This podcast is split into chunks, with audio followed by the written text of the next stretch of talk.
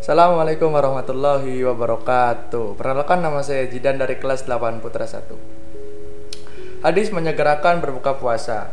Menyegerakan berbuka puasa Ramadan adalah tanda kebaikan seseorang. Dari Sahal bin Sa'ad As-Saidi, semoga Allah meridhai beliau bahwasanya Rasulullah SAW bersabda, Manusia masih dalam keadaan baik selama mereka menyegerakan berbuka. Setelah beliau mendatang hadis, mendatangkan hadis tentang kewajiban menunaikan puasa nazar yang dilakukan oleh keluarga, maka setelah itu beliau rahimahullah mendatangkan tentang di antara sunnah berpuasa yaitu menyegerakan berbuka.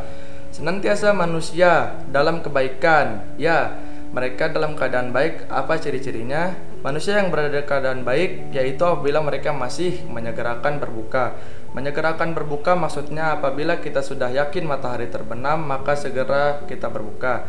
Segera kita minum, segera kita makan kurma atau makan lain-lain. Maka ini adalah yang dimaksud dengan menyegerakan berbuka. Apabila sudah yakin waktunya sudah datang, kapan waktunya? Apabila tenggelam matahari dan seseorang mengetahui tenggelamnya matahari mungkin dengan melihat langsung atau melalui jam, melalui jadwal sholat atau dari kabar orang yang sekoh.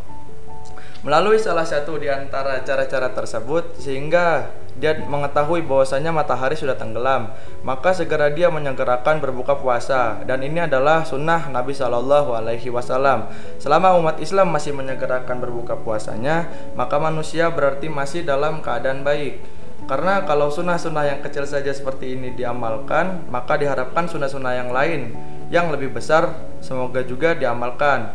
Selama manusia masih menghidupkan sunnah ini, yaitu menyegerakan berbuka, maka menunjukkan bahwasanya mereka masih dalam keadaan kebaikan.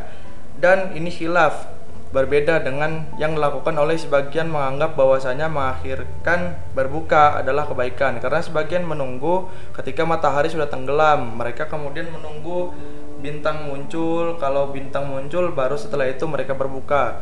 Maka ini menyelisihi sunnah Nabi Shallallahu Alaihi Wasallam karena beliau mengatakan selama mereka menyegerakan berbuka maka itu adalah kebaikan. Adapun mengakhirkan maka ini menyelisihi sunnah Nabi Shallallahu Alaihi Wasallam yang diriwayatkan oleh Bukhari dan Muslim selama mereka masih menyegerakan berbuka. Adapun ucapan selanjutnya dan mengakhirkan sahur, maka ini meriwayatkan adalah Imam Ahmad di dalam musnadnya dan tambahan ini adalah tambahan yang dihaif atau lemah.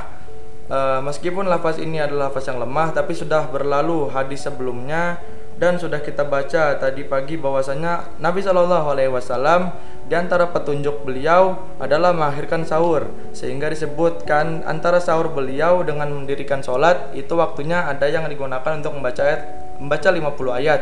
Sebagian ulama mengatakan 5 sampai 10 menit dan ini menunjukkan bahwasanya beliau menghasilkan sahurnya sampai menjelang azan. Jadi waktu makan dan minum di malam hari ini waktunya sudah sampai datang waktu subuh.